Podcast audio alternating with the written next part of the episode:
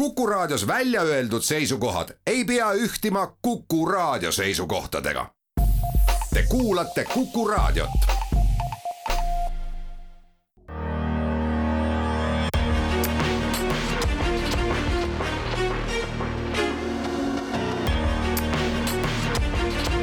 välismääraja.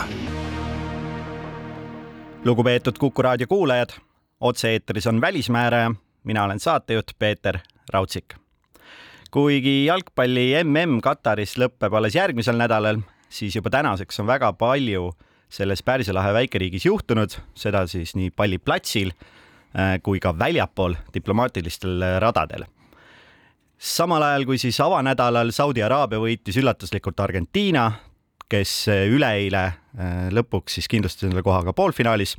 toimus Katari emiiri vahendamisel Dohas suur leppimine kahe regionaalse jõu vahel.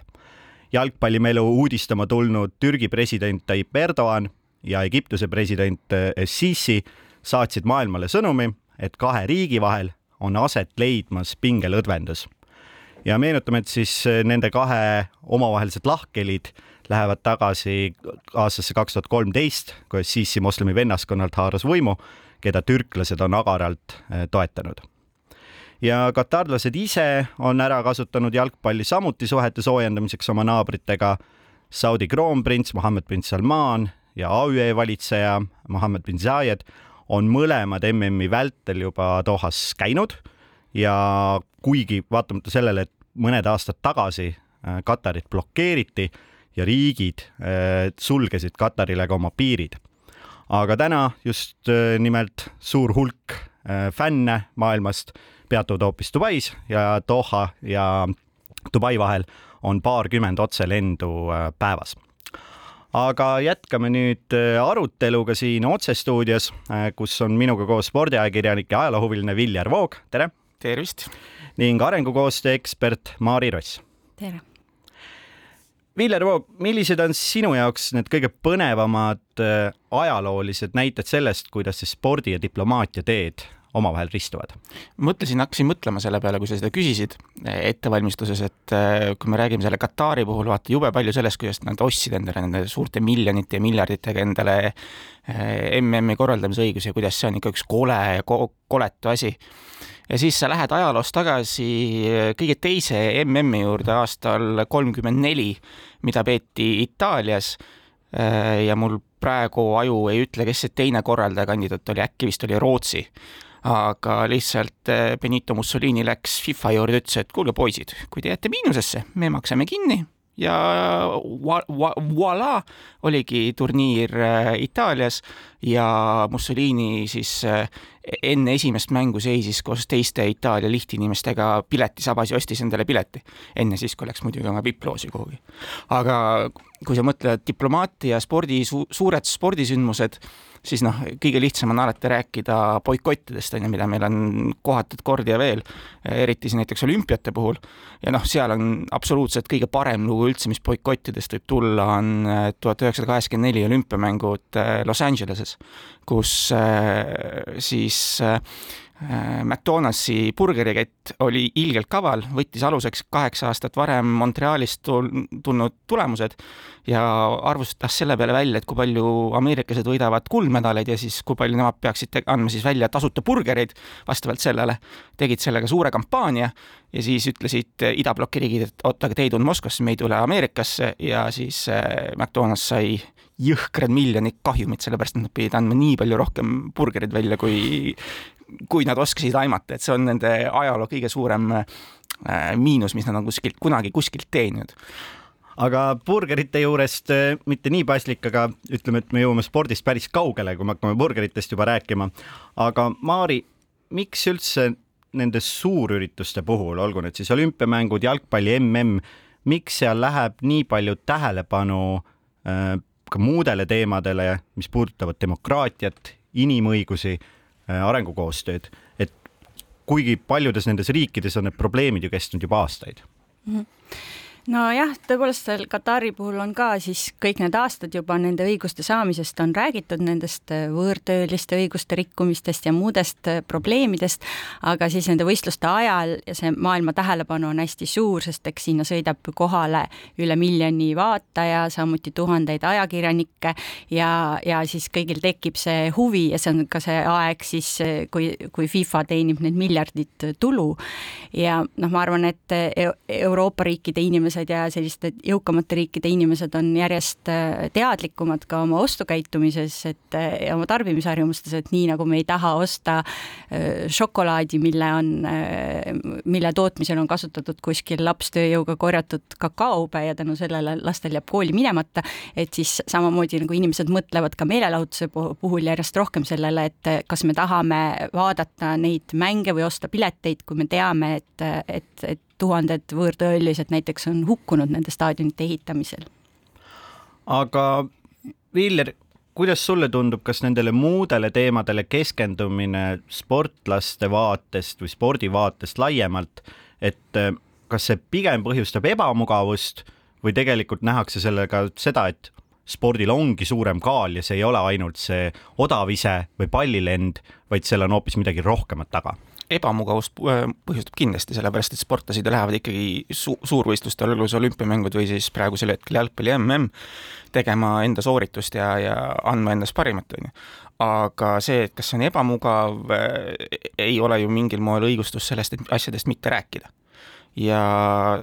ma arvan, et selles mõttes tuleb sellest asjast rääkida ka, ka, ka laiemas plaanis. Äh, üks asi, mis mulle selle MM-i juures on tegelikult väga meeldinud, on see, et äh, tegelikult me ei ole ju rääkinud mitte ainult Katarist, vaid väga suure tähelepanu all oli ka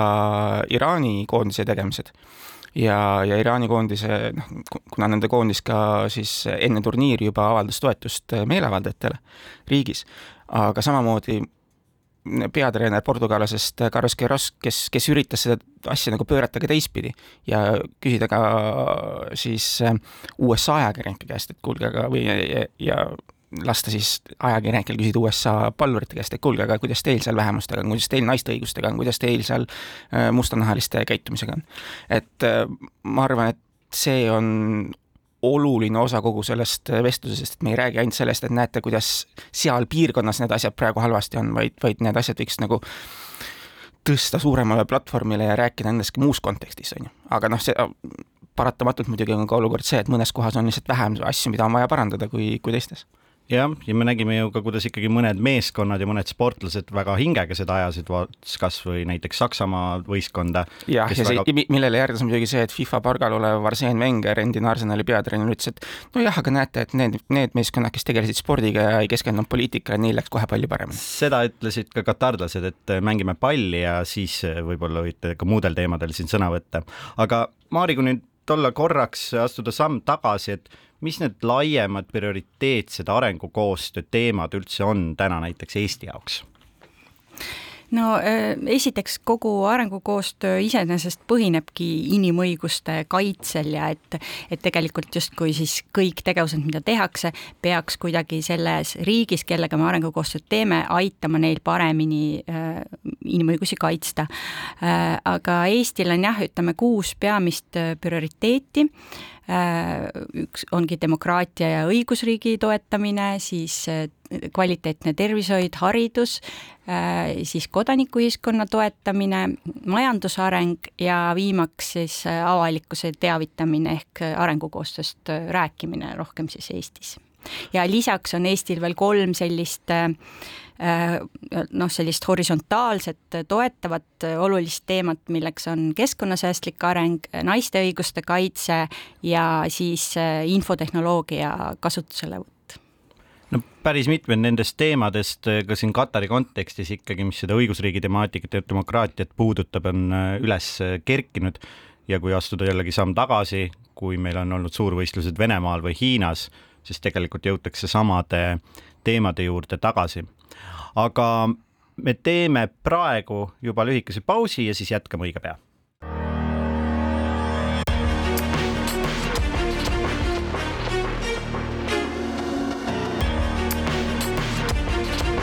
välismääraja jätkame Välismääraja otsestuudios arutelu välissuhete ja spordi kokkupuutepunktidest koos arengukoostöö eksperdi Maari Rossi ja spordiajakirjanik Viljar Voogiga. mina olen saatejuht Peeter Raudsik. me eelmise saateosa lõpus võtsime kokku äh, erinevad siis teemad, äh, mis tegelikult lisaks spordile paratamatult nende suurvõistlustega äh, kaasnevad. aga Viljar, kuidas sulle tundub, et ähm, kas siis riigid proovivadki seda ära kasutada oma pehme jõu väljanäitamiseks, et survestada tegelikult riikide tasandil nende teemade tõstatamisega teisi riike midagi tegema, et siin tegelikult nagu ka panna Katarit näiteks poliitiliselt midagi tegema selleks või, või tegelikult on see lihtsalt selline pigem inimestest ja ühiskonnast kantud soov rääkidagi inimõigustest, rääkidagi sellest, kuidas inimesed nagu tavatasandil elavad ma arvan, me rääkisime sellest ka natuke juba siin eelmises saates, ongi see, et see tarbija käitumine ja kõik see ongi, et eks, eks läänemaailmas me soovimegi ju üha rohkem olla võimalikult vastutustundlikud senimaani, kuni see nagu väga kõvasti meie enda rahakoti peale ei hakka, ei hakka koputama. aga ma pigem arvan, et suurvõistluste nagu kõige suurem Mm, mõte või, või, või tahtmine on see, et kui me räägime näiteks korraldajate poolt, siis nende ülesanne või soov ongi peamine asi see, et vaigistada kõik need hääled, mis neile kuhugi peale tulevad. ja, ja nende Äh, see argument on see, et tungitakse kuidagi nende kultuuriruumi või, või hakatakse neile midagi peale suruma ja me nägime siin selle MM-i puhul äh, FIFA president Gianni Infantino see pressikonverents, mis oli tunniajaline monoloog äh, siin turniiri eel, kus ta rääkis, et kõigepealt Euroopa peaks kaks tuhat aastat kõigilt maailmalt andeks paluma ja siis võiks hakata alles teistele monoloogi lugema või kui ta rääkis sellest, et jaa, aga meil on, kui, kui raske oli minu vanematel kunagi, kui nad Šveitsi kolisid, on ju, ja, ja see areng võttis aega ja nüüd me näeme, et see areng peab ka Katari paaris aega võtma. aga siin ongi see, et see arengukoostöö mõte ongi see, et et me tahame, et ne-, et need sammud ei võtaks teistel nii kaua aega, kui meil läänemaailmas on tulnud. aga Maari, kuidas sulle tundub, et kas riigid kasutavad seda ära kuidagi oma mingite positsioonide kaitseks siis eh, selliste ürituste korraldamist, et tegelikult vältida nende sammude tegemist? Äh, ma ütlen korraks selle eelmise e, e, eelmise kommentaariks, et, et tegelikult vaadatakse inimõigusi ka äh, niimoodi kahes grupis, et just need sellised poliitilised õigused on sellised, kus ei ole võimalik oodata, et ei saa niimoodi öelda, et, et noh, et näiteks piinamise keeld või, või ma ei tea, ausad valimised, et, et, et tehke praegu nii, nagu saate ja siis kümne aasta jooksul tehke paremini, et, et on need sotsiaalsed, majanduslikud, kultuurilised õigused, kus võib eh, nagu öelda, et kui mingi miinimum on saavutatud, et siis võib anda aega selle progressi jaoks, aga et, et nagu, nagu poliitiliste õiguste puhul eh, mitte. aga kuidas sulle tundub, kui nagu nende arengukoostöö projekte Eesti vaatevinklist vaadata, kas on siis seda ikkagi, et eh, mõnes riigis öeldakse, et, et need teemad on meil siin, nendega me ei tegele, et kuigi teie siin, teil võib olla prioriteet siin äh,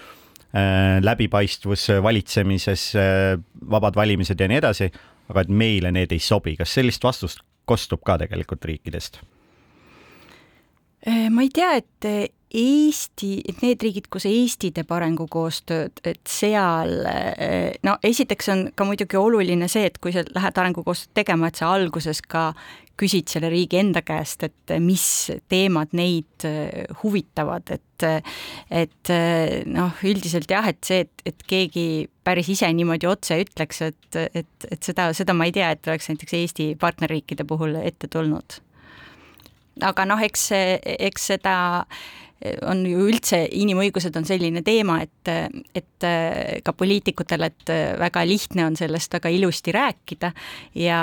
ja samas seda on peetud selliseks pehmeks teemaks, et siis ikkagi, kui tulevad justkui need päris teemad jutumärkides nagu äh, majandus või julgeolek, et siis lükatakse need inimõigused jälle kõrvale, et, et aga võib-olla nüüd jällegi Ukraina sündmuste kontekstis on see natuke jälle uus olukord, et et kui inimestel on ka tulnud hästi selge signaal, et me oleme valmis, et meie majandus kannatab, aga me tahame, et Ukraina inimeste õigused oleks paremini kaitstud ja me oleme valmis ka nagu ise tegema ohverdusi. me tahame spordi, spordi kontekstis sedasama, seesama mõte, et inimõigused ongi selline nagu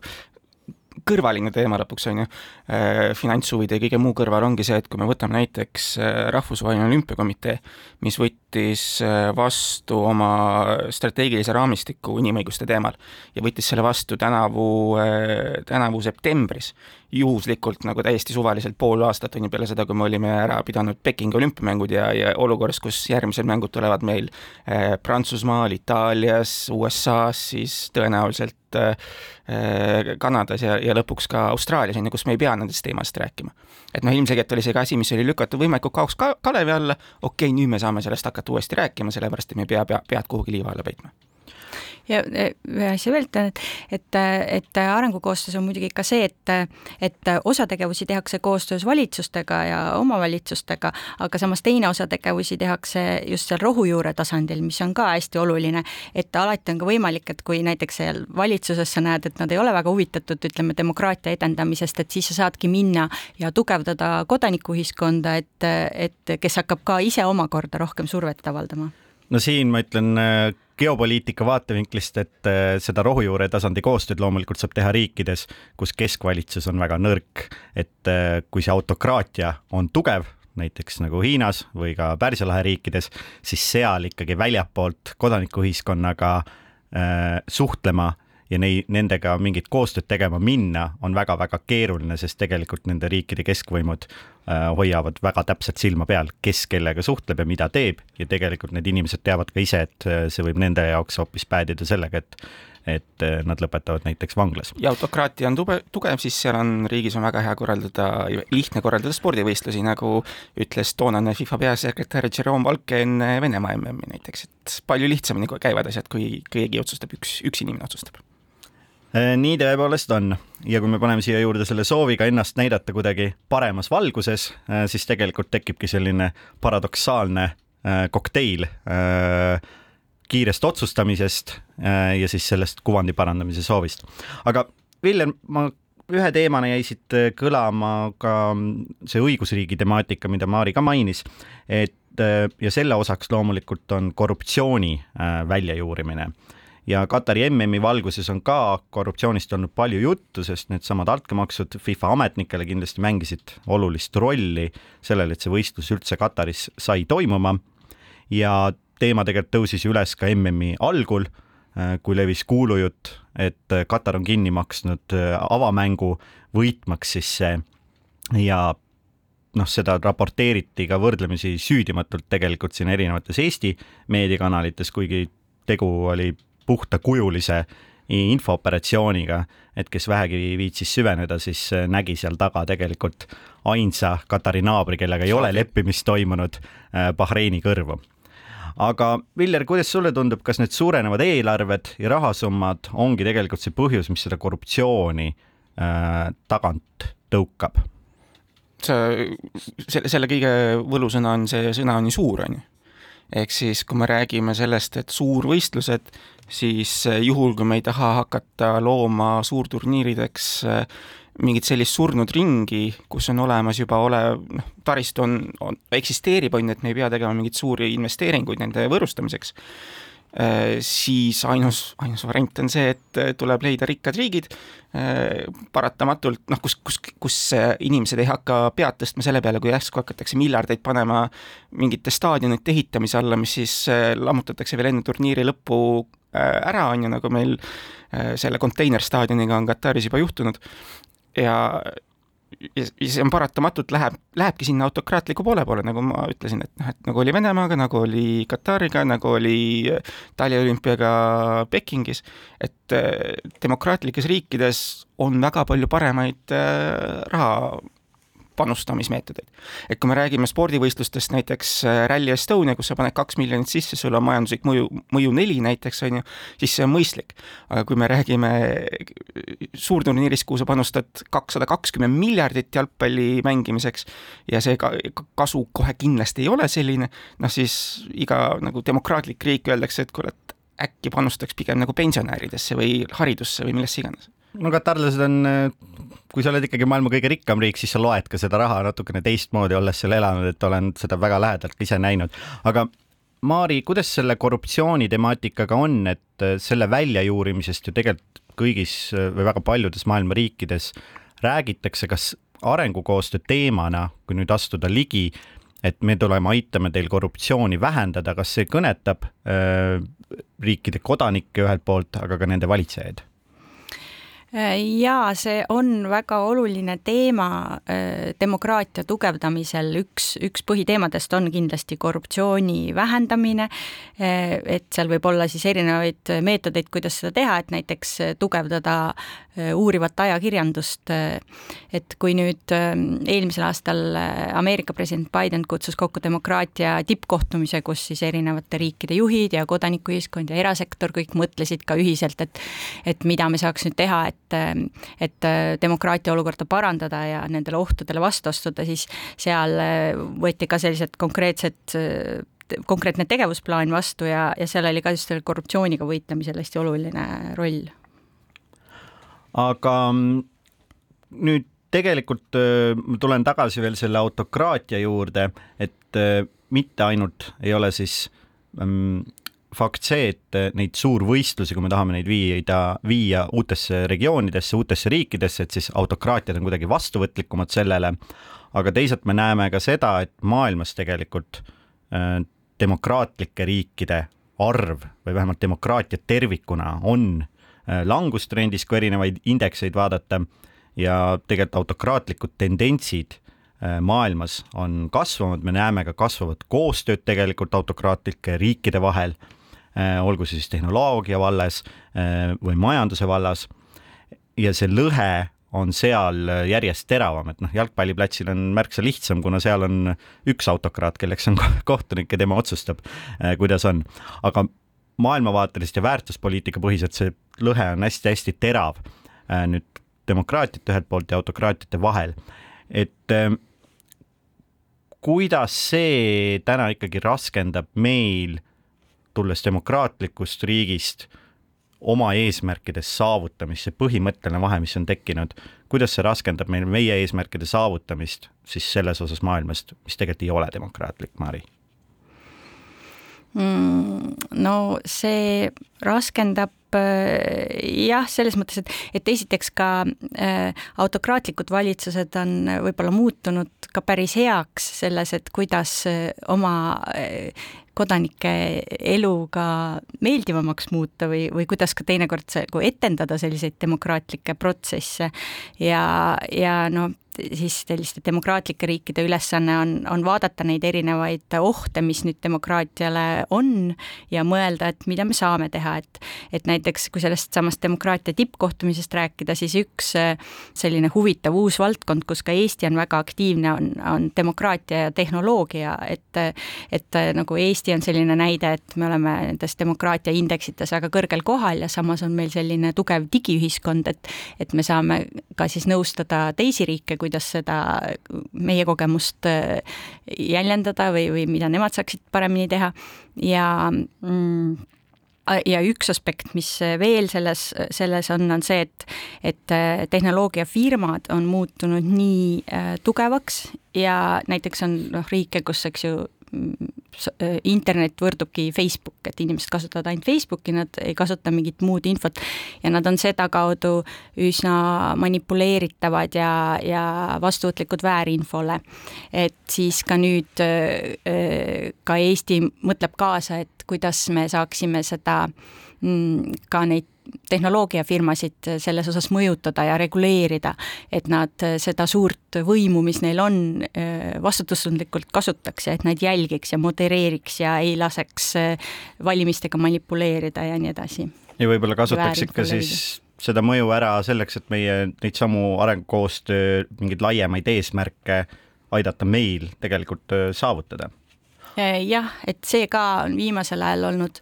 üha kasvav trend arengukoostöös, et teha hästi palju koostööd erasektoriga, mitte ainult mittetulundusühingud. aga ma tõstan selle paralleeli kohe spordimaailma ja siit võiks ju öelda, et needsamad äh, suurklubid, kellel on fännid üle kogu maailma, et kui me võtame kas või araablased, siis Barcelona nende jaoks klubina on olnud ikkagi noh, absoluutne tippude tipp ja sellel on väga-väga suur austajaskond, aga Viljar, ma küsin nagu seda, et kui palju need suurklubid, kes on hästi makstud kinni, ähm, kui palju nemad täna näevad endal vastutust ja siis valmisolekut tegelikult ka aidata edendada inimõiguste või mingi demokraatiaga seotud teemasid nendes riikides, kus neil on väga suur populaarsus. no aga samas sa räägid osadest klubidest, kelle puhul äh, Paris Saint-Germain või, või Manchester City näiteks on ju, kellel on needsamad rahad taga sealtsamast noh, Newcastle United värske on ju Saudide omandusse läinud klubi. et noh, ja, ja mida suurem on ühe klubi fännluskond, siis seda tõenäolisemalt on selle peamine eesmärk esmalt teha tulemust ja olla jätkuvalt populaarne. et noh, et kui ma ise olen Manchester Unitedi poolehoidja, siis kui sa lähed mängupäeval Old Traffordi juurde, siis inimesed, keda sa seal ju näed, on, ongi need, et kuskilt Jaapanist tuli üks tüüp ja tal on suur see mega, megapoe kilekott käes ja kõnnib seal ringi. ja siis noh, need äh, kõige tulihingelisemad poolehoidjad, kelle jaoks on see ajalugu ja, ja mingid muud väärtused olulised, need peavad oma mängueelseid istumisi kuskil kõrvalistes pubides ja tulevad nagu õigel ajal kohale. et äh, jalgpalliklubidel kui sellistel on kindlasti nagu see noh, üheksakümmend üheksa protsenti nende poolehoidjatest äh, hoolivad esmalt sellest, et, et klubil läheks hästi vahet pole, kust see raha sinna taha tuleb, peaasi, et seda tuleb ja, ja sellel läheb hästi. ja siis on sul see väike kese, kes teeb kohati väga suurt lärmi ja, ja õnneks ka mõjutab asju, kui me räägime jalgpalli kontekstis sellest superliiga ideest, kus, kusjuures üllatavalt vähe oli neid äh, araabia rahadega klubisid, aga vist äkki oligi Manchester City ainus, näiteks BSG ei tulnud sellele kaasa, sellepärast et nende Bein Sportsi äh, omanikest oli huvi, et meistrite liiga oleks jätkuvalt populaarne, sest nemad näitavad pooles maailmas seda, on ju et, et, et mida noh, seni, kuni need väiksed äh, fänniklikid suudavad teha lärmi ja nõuda, et äh, väärtused oleksid kaitstud, on kõik hästi. kui kaua nad seda suudavad, noh, see on juba teine teema aga kokkuvõttes mulle jäi siit ikkagi tunne, et äh, seesama muutus, mis võib-olla tehnoloogiaettevõtete puhul, millele Maari viitas, on juba aset leidnud, et seal kuidagi võetakse arvesse seda laiemat konteksti ja seda mõju ja seda puututakse positiivselt kaasata, et tegelikult suurte spordiklubide puhul me ei näe seda. ei, selles mõttes, et äh, sa ei haara ju noh, äh, nende firmade puhul, millest me rääkisime, seal on väärtuspõhine. aga spordi puhul on, sa haarad üha rohkem inimesi, mida edukam sa oled. ja edu tähendab, et sa pead kohati põhimõtteid alla suruma mis on nõme, aga noh, tähendab, minu vaadetega see kokku ei lähe, on ju, aga kui sinu eesmärk on teenida raha näiteks, nagu siin enamik Inglismaa klubisid on, teenivad kuhugi oma Ameerika investoritest omanikele dividende, siis järelikult raha on kunn, mitte väärtused. aga Mari, kuidas sulle tundub, et kas siis spordi ja sellise suure spordi just nimelt, et tegelikult, kui me tahame seda ära kasutada oma mingite laiemate väärtuspõhiste eesmärkide saavutamiseks, siis tegelikult sealt vist abi väga ei saa, et me peamegi vaatama tehnoloogiafirmade ja kuhugi kaugemale ja eemale, et tegelikult sport tundub, et on piisavalt siis tulemusele orienteeritud ja kohati ka selles mõttes valmis järeleandmisi tegema öö, oma väärtuste juures. No ma nii pessimistlik ka ei oleks, et ma arvan, et et seal nendes suurtes spordiliitudes on lihtsalt vaja sellist põlvkonnavahetust, et noh, nagu praegu oli ju ka näha, et et teatud riikide jalgpallikoondised ja Euroopa Jalgpalliliit läksid väga konkreetsete ettepanekutega FIFA juurde ja ütlesid, et näiteks seal Inglismaa, Hollandi, Belgia, mitme riigi koondised ütlesid, et me tahaks kanda seda seksuaalvähemusi toetavat käepaela ja aga ja... nad kohe taandusid, kui ähvardati kollaste kaartidega jaa, aga nad taandusid tegelikult alles siis, kui ähvardati kollaste kaartidega, sest enne nad isegi ütlesid, et me oleme nõus trahve maksma, me oleme nõus erinevaid karistusi kandma, et lõpuks tõesti see kollane kaart mõjus, aga et nemad läksid oma ettepanekutega, mida FIFA ei võtnud kuulda. aga et nii, nagu me siin Eestis nägime ka, et, et on nii-öelda see Aivar Pohlaku põlvkond, kes ütleb, et äh, kultuurilised erinevused, ärme kritiseeri, mängime ainult jalgpalli ja siis on nagu see kinoteatri põlvkond, kes ütleb, et me võime küll rohkem nõuda ja rohkem teha, et, et võib-olla seal Fifas tuleb ka ühel päeval see põlvkonnavahetus. Päris äh, hea paralleel äh, siia selle saateosa lõppu. aitäh, Maari Ross, aitäh, Viljar Voog välismääraja teeb lühikese pausi ja pöörab seejärel oma pallipilgu äh, Hiinale.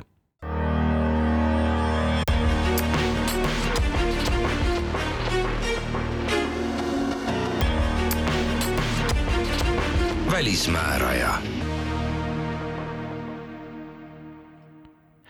tere tulemast tagasi kuulama Kuku välismääraja otsestuudiot. nüüd on saates külas Hiina asjatundja Leslie Leino, tere tulemast. tere. jätkates jalgpallilainel ja püüdes siis mõõt-, püüdes mõõta äh, palliplatsil toimuva mõju äh, maailmale laiemalt, äh, küsiksin kohe Covidi piirangute vastaste meeleavalduste kohta Hiinas, mida me siin viimased nädalad oleme näinud. kui palju vastab siis tõele see, et et eh, neid rahutusi eh, põhjustas osaliselt ka vähemalt see teleripilt, mida hiinlased nägid Dohast, kus siis fännid pidasid suurt pidu ja see pani omakorda neid hiinlasi siis küsima, et eh, miks meil on siin nii karmid liikumispiirangud. see oli minu selline teooria, mille ma olen paar korda avalikult välja öelnud ja hiljem siis selgus, et vähemalt osad hiinlased ka niimoodi mõtlesid, kuna koha pealt hiinlaste poolt äh, sai äh, tagasisidet, mis kinnitas seda teooriat. kas tal tõesti oli nüüd äh, nii suur mõju, et nad tulid just sellepärast tänavatele, noh, kindlasti seal oli erinevaid komponente, mis neid tänavale tõi, aga ma arvan, et see kindlasti mõjutas, andis tõuke, et see on selline nagu täiuslik torm, et kui mitu komponenti kokku langevad, et siis peab midagi juhtuma. ja ma eh, ütleks veel kord, et ma ei alahindaks eh, seda MM-i, kuna kui me vaatame neid eh, reklaame, ma neid nimesid siin ei hakka ütlema, mm, seal on väga palju Hiina ettevõtteid tegelikult. enamus nendest, ma arvan, eestlased peaksid teadma aga kindlasti mitte kõiki ja väga suure tõenäosusega ühte kindlasti ei tea, kuna ta ei tegutse üldse globaalselt. ja siis on küsimus, et miks ta peaks olema äh, jalgpalli maailmameistrivõistlustel üldse kohal. kellele ta seda reklaami siis teeb ja see vastus ongi, ta teeb hiinlastele. kuna Hiinas on äh, nii EM kui ka MM ülipopulaarsed, siis tegelikult see on koht, kus Hiina ettevõtted teevad reklaami mitte ainult siis globaalselt, vaid ka eh, hiinlastele endale. ja siis ma hakkasingi mõtlema, et tegelikult nad ju praegu näevad kõik, noh, ma olen ise olnud erinevate spordisündmuste ajal Hiinas ja näinud, eh, kui populaarsed need seal on, eriti jalgpall. mõtlesin, et nüüd nad ju on ju seal teleka ees ja, ja see peab neile kuidagi mõjuma ja, ja hiljem sellest spekuleeriti ka mujal, et mingisugune efekt seal pidi olema ja lihtsalt kui need meeleavaldused olid ära toimunud, nädal oli mööda läinud, siis eh, osad hiinlased ütlesid mulle, et et nendel sai kõrini just sellepärast, et vaatasid, et terve maailm peab pidu ja meie endiselt oleme siin eh, sisuliselt kinni müüritud eh, kodudes, et noh, kuidas neid kodusid kinni pandi, et ma nüüd ei tea, kui lai, laialt oli levinud see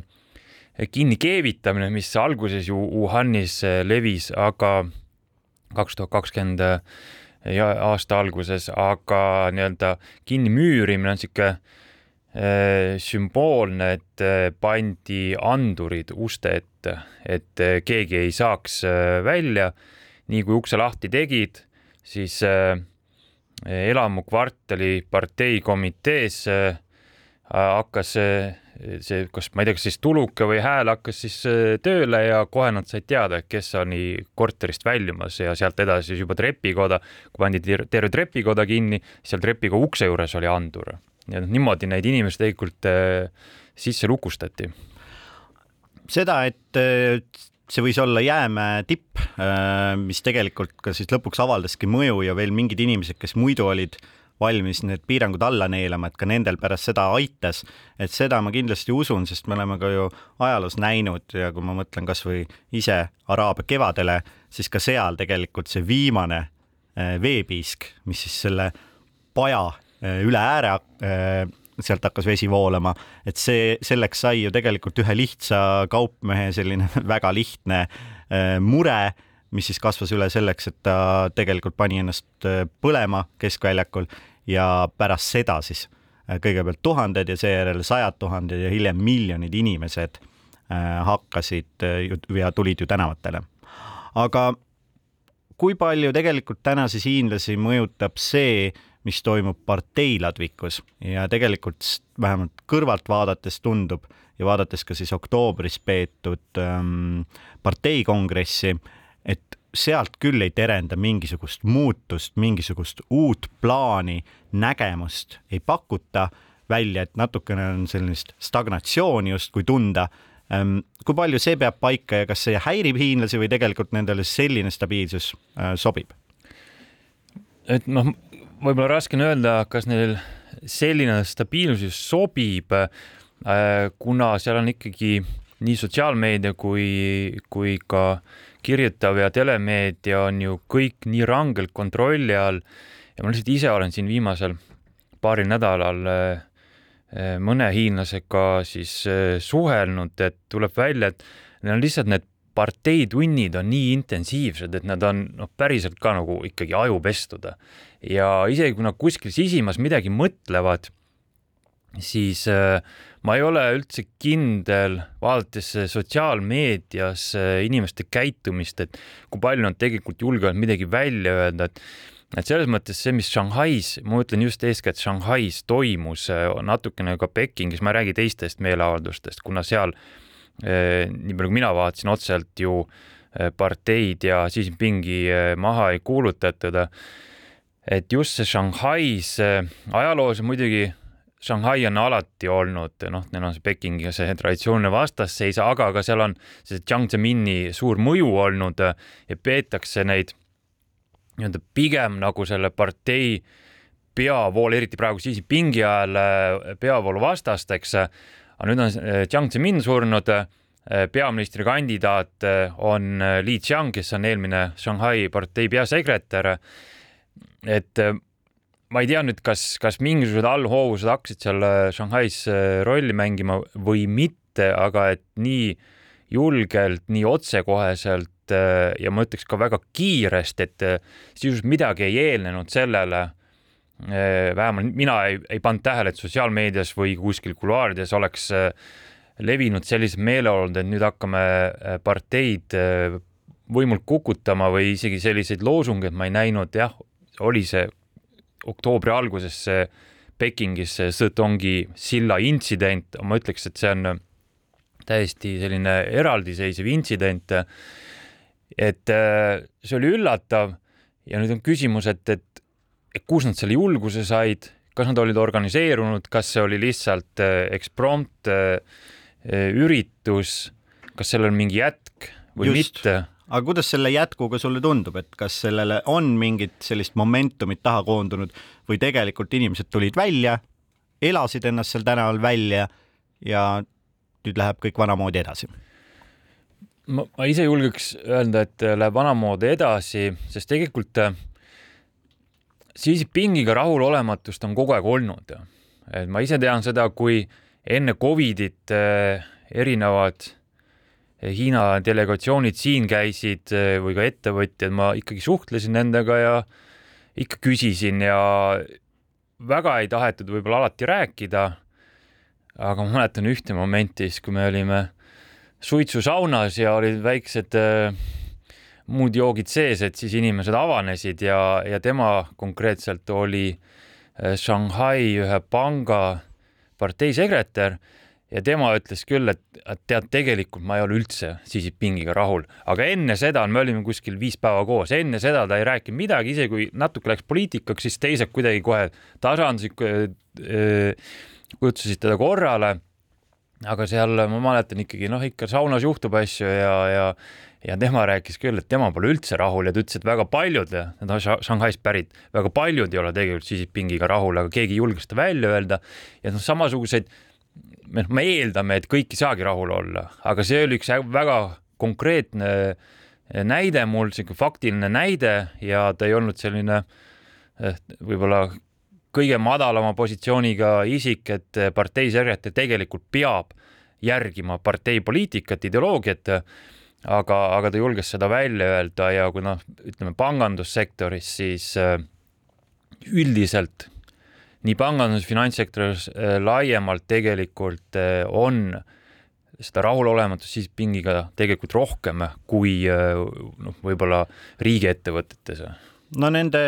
autokraatlike riikide puhul seda fenomeni loomulikult on ka mujal olnud, et neid inimesi, kellel siis käsi on rusikas taskus, neid on väga-väga palju, aga see tingimata ei tähenda, et nad kohe ka nagu midagi sellega teeksid ja, ja välja astuksid, vaid nad võivad käia see rusikas taskus äh, seal ringi äh, aastakümneid äh, mõnelgi pool. aga kui palju täna siis partei otsib sellist uut hingamist väljapoolt, et justkui läbi välispoliitiliste vahendite, et üks teema on loomulikult Taiwan'i teema, mida ka siin saates on varem lahatud, aga äh, nägin just, et äh, Xi Jinping käis äh, mitte küll Kataris, äh, kuna hiinlased on FIFA edetabelis seitsmekümne üheksandal kohal, et nemad turniiril ei mängi, aga ta tegi just visiidi Saudi Araabiasse. et kuidas seda käiku hinnata ja milline on siis Hiina vaade tegelikult sellisele laiemale koostööle, mida Venemaa on ka püüdnud korraldada nende riikide vahel keda nähakse endale sobivatena, pean siis silmas siin neid BRICS-i riike, äh, lisaks Venemaale, Hiinale veel äh, Lõuna-Aafrika Vabariiki ja Brasiiliat ja Indiat. ja see on, ma arvan, et selline võib-olla iseenesest laiem trend, aga mulle tundub, et see on kuidagi viimasel, võib-olla Xi Jinpingi teise ametiaja teises pooles, ütleme siis viimase kolme aasta jooksul intensiivistunud ja mulle tundub, et see nüüd järgmise Xi Jinpingi kolmanda ametiaja jooksul veel intensiivistub, et kui ma vaatasin äh, kahekümnenda parteikongressi raportit, siis seal tegelikult rõhutati just arengumaade tähtsust. kuna Hiina on alati rääkinud seda, et tema on arengumaade äh, õiguste eest seisja, nende nii-öelda Äh, hääletoru äh, ja legitiimne esindaja, eriti ÜRO-s, äh, siis mulle tundub, et on kuidagi rohkem seda intensiivistunud, rohkem läbi mõelnud, võib-olla ka rohkem institutsionaliseerinud, et ehitada üles ikkagi selline väga laiapõhjaline, noh, mina nimetan seda samameeliste riikide kogukonnaks, kellega siis seista vastu lääne mõjuvõimule ja nüüd me nägime Saudi Araabia eh, puhul eh, ka see dedollariseerimine, mida tegelikult Hiina on siin varasemalt võib-olla kompamisi üritanud ajada, aga nüüd eh, rohkem intensiivsemalt, et et hakata siis noh, näiteks Saudi Araabiast naftat ostma jüäänide eest ja seda jüääni populariseerimist on ta varem proovinud, noh, seega suhetes Venemaaga on see väga aktuaalne ja selle eesmärk tegelikult on just lõhkuda seda Ameerika kontrolli all, noh, nende Hiina, Hiina sõnavarast siis Ameerika kontrolli all olevat äh, globaalset dollaril põhinevat finantssüsteemi, sest sellega ta saab õõnestada ka USA mõjuvõimu ja see ongi Hiina peamine eesmärk. et ma näeksin seda, neid arengute suhete arendamist äh, äh, Lä-, äh, Lähis-Ida riikidega, ka BRICS-i riikidega, Kesk-Aasiaga, aga tegelikult Lõuna-Ameerikaga just selles kontekstis, et nii-öelda samameelsed riigid koondada Hiina mõjuvõimu alla ja siis ühiselt õõnestada lääne mõjuvõimu, eriti USA mõjuvõimu, et ma mõnes mõttes vaataksin väga suure huviga, mis hakkab toimuma Brasiilias uue presidendi ajal. et äh, traditsiooniliselt äh, on ikkagi Brasiilia selline noh, pigem vasakpoolne äh, riik, kuigi jah, tal on ajaloos ka teisi tahke, aga siis me ütleme võib-olla pigem, kui Bolsonaro välja arvata, siis pigem on ta alati olnud kuidagi Hiina poole kaldu ja, ja Lõuna-Ameerika suurima riigi, noh, Argentiina on juba Hiina suutnud enda poole tõmmata, et eh, ma arvan, et arengud Brasiiliaga kindlasti on ka üks huvitav järgmine võib-olla samm, et see Saudi Araabia praegu juba toimus ära ja see Hiinal väga hästi sobis, et kuna USA-l ja Saudi Araabial tundub, et on mingisugused erimeelsused ja Hiina kohe kasutab selliseid asju ära, et samamoodi Iraani näide ju pandi sanktsioonid peale, Hiina kohe tegi suure investeerimispaketi ja ütles, et no Iraan, ma olen siin, et Abs. absoluutselt, aga no mulle tundub, et äh, see kukub kuidagi nii välja, et äh, hiinlased korjavad üles neid leivaraasukesi, mis siis ameeriklaste käest pudenevad maha, et tegelikult äh, ka seesama meelsus on, nagu sa ka kirjeldasid, on suuresti üles ehitatud vastandumisele läänega ja siis see eesmärk on läänt õõnestada ja nii edasi. aga mis on see hiinlaste positiivne agenda, mida nad siis kas arenguriikidele, aga tegelikult ka riikidele nagu Saudi Araabia või siis seesama Brasiilia on valmis pakkuma? no ikkagi eh, majanduskasvu võimalused, eh, et kui me vaatame näiteks siin Argentiinat näiteks, siis eh, Hiina oli üks põhiliseid riike, kes nii-öelda Argentiina päästis, ma ei tea, kui hästi ta päästetud tänaseks on, et ma arvan, et seal vist probleeme on siiamaani alles, aga Hiina oli nõus siis ikkagi hakata, hakkama massiivselt Argentiinast noh, näiteks põllumajandustooteid ostma, sinna investeerima, arendama seal raudteevõrgustikku, et ma arvan, et see noh, muidugi, mis Hiina puhul on võib-olla natuke petlik, on see tema see suurus ja see majandusvõimsus, et noh, millest alati räägitakse nagu tuleviku vormis, et ühel hetkel just nagu kaks korda suurem majandus kui USA on ju, noh muide, ma arvan, isiklikult arvan, kunagi ei juhtu. aga, aga ta oskab, suudab seda müüa ja ma arvan, et see sobib äh, paljudele riikidele, et kuna ta ka kunagi ei kritiseeri teistsuguseid äh, võib-olla autoritaarsemaid režiime ja nii edasi, et ta pakub sellist nagu stabiilset suhtlust, mida võib-olla lääneriigid ei, ei, ei paku. sellega välismääre täna lõpetab. saates olid külas Maari Ross, Viljar Voog ja Hiinast rääkis Leslie Leino. mina olin saatejuht Peeter Raudsik.